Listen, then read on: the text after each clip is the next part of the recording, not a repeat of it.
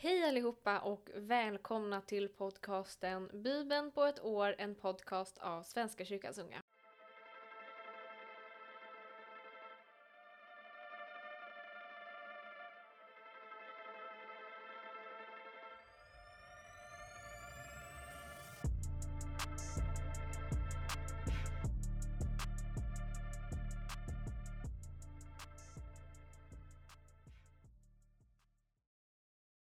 Namn är Rebecka Lundberg och jag jobbar som diakon i Svenska kyrkan i Stockholms stift. En diakon jobbar med kyrkans sociala arbete och finns till stöd för människor i samhället. En diakon kan även arbeta med konfirmander, öppen förskola, dagledarträffar och samtalsgrupper. En del diakoner arbetar även på sjukhus, häkten eller fängelser och jobbar då med stöd och samtal för de som befinner sig i de här miljöerna. Jag blev medlem i Svenska kyrkans unga ett par år efter konfirmationen och har sedan dess eh, bland annat suttit i styrelsen för Svenska kyrkans unga i Stockholms stift. Eh, men jag har också arbetat på Svenska kyrkans unga på förbundsnivå och har då arbetat med arrangemang och utbildning. Vi ska börja våran podcast med att be en bön. Vi ber Herre, hjälp mig att rätt bruka den dag du nu ger mig. Välsigna alla dess timmar Välsigna dess plikter och arbete, dess vila och glädje. Välsigna mina händers arbete, mina läppars tal och mitt hjärtas tankar. Låt mig få leva denna dag inför ditt ansikte och till din ära. Amen. Vi fortsätter vårt avsnitt med att eh, läsa från Första Kungaboken, kapitel 11. Kung Salomo hade många utländska kvinnor som han älskade. Förutom faraos dotter, kvinnor från Moab, Ammon, Edom, Sidon och hetiternas land. Det tillhörde folk om vilka Herren hade sagt till israeliterna, ni skall inte beblanda er med dem. Då förleder de er till att dyrka sina gudar. Det var sådana kvinnor Salomo höll sig till och älskade. Han hade 700 hustrur med förstig rang och 300 bihustrur och hans kvinnor förledde honom till avfall. På hans ålderdom förledde hans hustru honom till att dyrka andra gudar, och han höll sig inte längre av hela sitt hjärta till Herren sin Gud, så som hans far David hade gjort. Han tillbad Astarte, fenikernas gudinna, och Milkom, ammoniternas vidrighet. Så gjorde Salomo det som var ont i Herrens ögon, och höll sig inte troget till Herren Israels Gud, Salomo inrättade en offerplats åt Kemosh, moabiternas vidrighet på berget öster om Jerusalem, och åt Milkom, ammoniternas vidrighet. Likadant gjorde han för alla sina utländska kvinnor, och de fick tända offereld och frambära offer åt sina gudar. Men Herren vredgades på Salomo för att han hade vänt sig bort från Herren Israels Gud, som två gånger hade visat honom och varnat honom just för att dyrka andra gudar.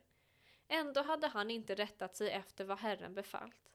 Och Herren sa till Salomo Eftersom du var medveten om detta, men inte höll förbundet med mig och de befallningar jag gett dig, skall jag rycka ifrån dig kungariket och ge det åt en av dina underlydande. För din far Davids skull vill jag dock inte göra detta under din livstid. Istället ska jag rycka kungariket från din son. Men inte hela riket. En stam ska jag lämna åt honom för min tjänare Davids skull och för Jerusalems skull, den stad jag har utvalt. Herren gav Salomo en fiende i Edomen, Hadad. Han tillhörde kungaätten i Edom. David hade anställt blodbad bland edomerna då hans överbefälhavare Joav drog ut för att begrava några som stupat dödade han allt av mankön i Edom. I sex månader stannade han med den israelitiska hären tills dess att han utrotat allt av mankön i Edom. Men Haddad som då var en liten pojke, hade flytt ner mot Egypten tillsammans med några edomeer som varit i tjänst hos hans far. De bröt upp från Midjan och kom till Paran. De tog med sig några män därifrån och fortsatte till Egypten, till farao, den egyptiske kungen. Denne gav Haddad ett hus, sörjde för hans uppehälle och skänkte honom ett landområde. Farao kom att uppskatta Haddad så mycket att han gav honom sin svägerska, drottning Tashpenes, syster till hustru. Och Tashpenes syster födde sonen Guvenat åt honom. När Genuvat blivit avvänd lät Tashpenes honom bo i faraos palats. och där levde han sedan bland faraos söner. Då Hadan i Egypten fick höra att David gått till vila hos sina fäder och att överbefälhavaren Joab var död bad han farao att få återvända till sitt eget land. Farao sa, vad är det du saknar här hos mig eftersom du vill hem igen? Ingenting, svarade Hadad, men låt mig gå ändå. Gud gav Salomo ännu en fiende. Det var Reson, Eljadas son. Han hade flytt från sin herre kung Hadadeser av Sovar och samlat en del folk kring sig till strövkår som han var ledare för. Det var när David dräpte arameerna. De drog till Damaskus där de slog sig ner och gjorde Reson till kung. Under hela Salomos tid hade israeliterna en fiende i honom. Detta utöver allt det onda som fick utstå från Hadad. Reson hatade Israel och var kung över Aram. Jerobim, Navats son, var av Efraims stam och kom från Sereda. Hans mor hette Serua och var änka. Jerobim var i tjänst hos Salomo men reste sig mot honom. Bakgrunden var denna. Salomo höll på att bygga Milo för att fylla en lucka i befästningsverken kring sin far Davids stad. Jerobin var en dugande ung man och Salomo som sett honom i arbete satte honom att övervaka de dagsverken som åvilade Josefs ett. En dag då Jerobin var på väg ut från Jerusalem kom profeten Aisha från Kilo emot honom, klädd i en ny mantel. Det fanns ingen annan i närheten. Då grep Aisha tag i sin nya mantel och rev den i tolv delar. Ta tio delar, sa han till Jerobin, Ty så säger Herren, Israels Gud. Jag river kungariket ur Salomos land och ger de tio stammarna åt dig. En enda stam får du behålla. För min tjänare Davids skull och för Jerusalems skull. Den stad jag har utvalt bland alla Israels stammar. Detta sker därför att de övergav mig och tillbad Asarte, fenikernas gudinna och Kemosh, Moabs gud, och Milkom, ammoniternas gud. De vandrade inte mina vägar och gjorde inte det som var rätt i mina ögon. Mina stadgar och bud höll de inte, så hans far David gjorde.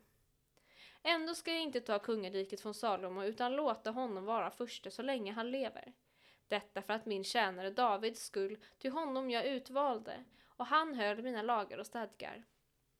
Men från Salomos son ska jag ta kungadömet och ge åt dig de tio stammarna. En enda stam ska jag lämna åt hans son, så att min tjänare David alltid ska ha en lampa brinnande inför mig i Jerusalem, den stad jag har utvalt till hemvist för mitt namn. Men dig ska jag låta härska över allt det du eftertraktar. Du ska bli kung över Israel. Om du lyder allt vad jag befallt dig och vandrar mina vägar, om du gör det som är rätt i mina ögon och håller mina stadgar och bud så som min tjänare David gjorde, då ska jag vara med dig och bygga dig ett hus som består. Ett kungahus, så som jag gjorde åt David. Jag ska ge dig Israel och därigenom förödmjuka Davids ättlingar, dock inte för all framtid. Salomo försökte bringa Jerobim om livet, men denne flydde till Egypten, till Shishak, landets kung. Han stannade där ända till Salomos död. Salomos historia i övrigt, hans bedrifter och hans vishet har nedtecknats i Salomos krönika. I 40 år regerade han i Jerusalem över hela Israel. Därefter gick han till vila hos sina fäder och begravdes i sin far Davids stad. Hans son Rehabim blev kung efter honom.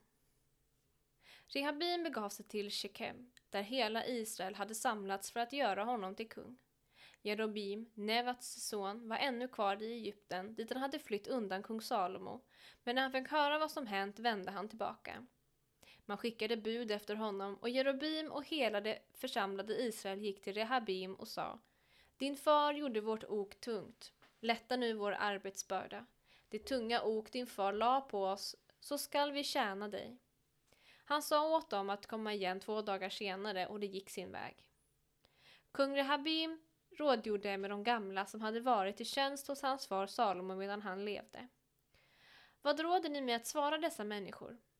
De sa, om du böjer dig för dem idag och ger efter och svarar dem välvilligt, då kommer det i all framtid att böja sig för dig.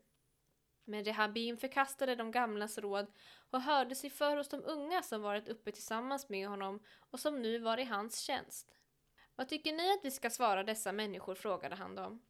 De begär att jag ska lätta det ok som min far la på dem.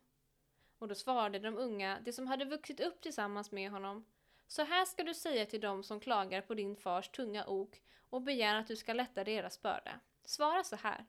Min lem är grövre än min fars lår, och det skall ni veta. Om min far la ett tungt ok på er ska jag göra det ännu tyngre, och om min far pryglade er med spö ska jag prygla er med skorpiongissel. Efter två dagar kom Jerobim och folket tillbaka till Rehabim. Han hade ju sagt åt dem att komma tillbaka då. Kungen gav dem ett hårt svar. Han förkastade det råd som han fått av de gamla och svarade så som de unga hade rått honom att göra. Om min far gjort ert ord tungt ska jag göra det ännu tyngre. Och om min far pryglade er med spö ska jag prygla er med skorpiongissel. Kungen lyssnade inte på folket, så hade Herren styrt det för att det ord skulle uppfattas som han talat till Jerobim, Nevats son, genom Aisha från Shilo. När israeliterna märkte att kungen inte lyssnade på dem svarade de Vad har vi för del i David? Vi har inget gemensamt med Jeshais son. Vänd hem, israeliter, sköt ditt eget rike, David. Därefter återvände israeliterna hem. Men över de israeliter som bodde i Judas städer var Rehabim kung. När Rehabim skickade fram Adoram som förstod tvångsarbetarna stenade israeliterna honom till döds. Kung Rehabim måste rädda sig upp i sin vagn och fly till Jerusalem. Så bröt Israel med Davids ett. De är skilda åt än idag. Ja, det är en spännande resa vi får följa med här på i Kungaboken. Tidigare kapitel så har eh, kung Salomo önskat att han ska få ett dyrt kungarike. Det ska vara guld och han har fått hästar och många saker av värde. Men Herren har ett krav och det är att han ska följa och dyrka Gud och bara Gud och ingen annan. Och här i början på Kungaboken 11 så varnar Herren kung Salomo att ha alla de här hustruarna från alla olika ätter. Eh, och det slutar ju med då att kung Salomo faktiskt bryter mot det enda krav som Herren hade, att han inte skulle dyrka andra gudar än Herren själv. Och sen straffas Salomo han bröt det förbundet som han inte skulle bryta och då blir han förbannad. Han ska dock inte straffas utan det blir hans son som kommer få bära skulden för hela kung Salomos missöden. Ja, sen senare här i kungaboken får vi vara med om en splittring bland två folk. Israel och Davids ett. De kommer inte riktigt överens här om hur de ska lösa den här frågan. Precis, det var ju kung Rehabim som rådgjorde med de gamla som hade varit i tjänst hos hans far Salomo när han levde. Och vad, de skulle, vad han skulle svara de här följarna till Jerobim. Han fick ingen bra svar tyckte han från de gamla så han gick till de unga som också hade en ganska hård approach kanske man kan säga. Och han valde att följa de ungas råd och det hela slutade med att Israel och Davids ett gick åt skilda håll. Mm. Ja, man kan ju undra vad de här unga människorna menade med det här citatet. Och det ska ni veta. Om min far la ett tungt ok på er ska jag göra det ännu tyngre. Och om min far pryglade er med spö ska jag prygla det med skorpiongissel. Man kan ju fråga sig vad de här unga menade med det och vad det skulle tjäna för kungen att säga det här till Jerobim och hans efterföljare. Det landade ju inte så väl, det här tipset. Och vad hade hänt om kungen istället hade tagit de äldres råd just i den här frågan? Mm, det kan vi fundera på medan vi lyssnar vidare och då blir det Apostlagärningarna 9, vers 1 till 25. Saul som ändå rasade av mordlust mot Herrens lärjungar gick till översteprästen och bad att få med sig brev till synagogorna i Damaskus. Om han fann några som hörde till vägen. Män eller kvinnor skulle han få fängsla dem och föra dem till Jerusalem. Men när han på sin resa närmade sig Damaskus omgavs han plötsligt av ett bländande ljussken från himlen. Han föll till marken och hörde en röst som sa till honom Saul, Saul, varför förföljer du mig? Han frågade, vem är du, Herre? Jag är Jesus, den som du förföljer. Stig upp och gå in i staden så får du veta vad du ska göra. Hans resekamrater stod förstummade. De hörde rösten men såg ingen. Saul reste sig upp, men fast hans ögon var öppna kunde han inte se. De tog honom då vid handen och ledde honom in i Damaskus. Under tre dagar var han blind och han varken åt eller drack. I Damaskus fanns en lärjunge som hette Ananias. Till honom sa Herren i en syn, Ananias. Han svarade, ja herre. Herren sa, gå genast till Raka gatan och fråga i Judas hus efter en som heter Saul och är från Tarsus. Han ber, och i en syn har han sett en man som heter Ananias komma in och lägga sina händer på honom för att han ska se igen. Herre, svarade Ananias, jag har hört från många håll om den mannen, och allt ont har han gjort mot dina heliga i Jerusalem. Och nu är han här med fullmakt från översteprästerna att gripa alla som åkallar ditt namn. Men Herren sa till honom, gå, honom har jag utvalt till mitt redskap. Han ska föra mitt namn till hedningar och kungar och Israels folk, och jag ska låta honom veta hur mycket han måste lida för mitt namns skull. Ananias gav sig iväg och gick till Judas hus. Han la sina händer på Saul och sa Saul, min broder, Herren själv Jesus som visade sig för dig på vägen hit har sänt mig för att du ska få tillbaka din syn och fyllas av heligande. Då var det som om fjäll hade fallit från Sauls ögon och han kunde se igen. Han lät genast döpa sig och när han hade ätit återfick han krafterna.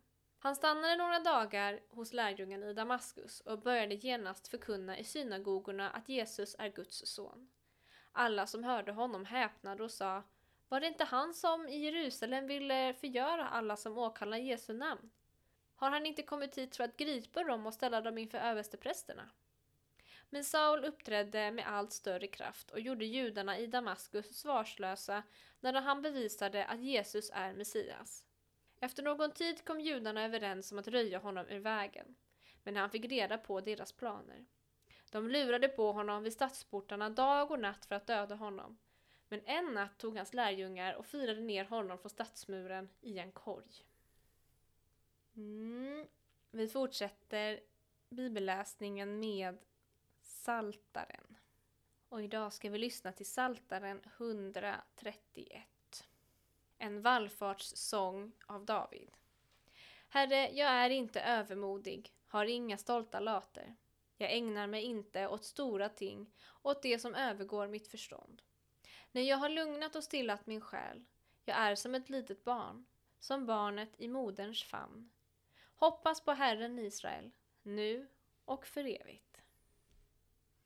Och dagens poddavsnitt avslutas med Ordspråksboken 17, vers 4 till 5. Uslingen lyssnar på onda tungor. Lögnaren är idel öra för elakt prat. Att håna en fattig är att smäda hans skapare. Den skadeglade undgår inte straff. Tack för att ni har lyssnat på poddavsnittet idag och jag önskar er en fortsatt trevlig dag. Så eh, hörs vi igen imorgon. Ha det bra, hejdå!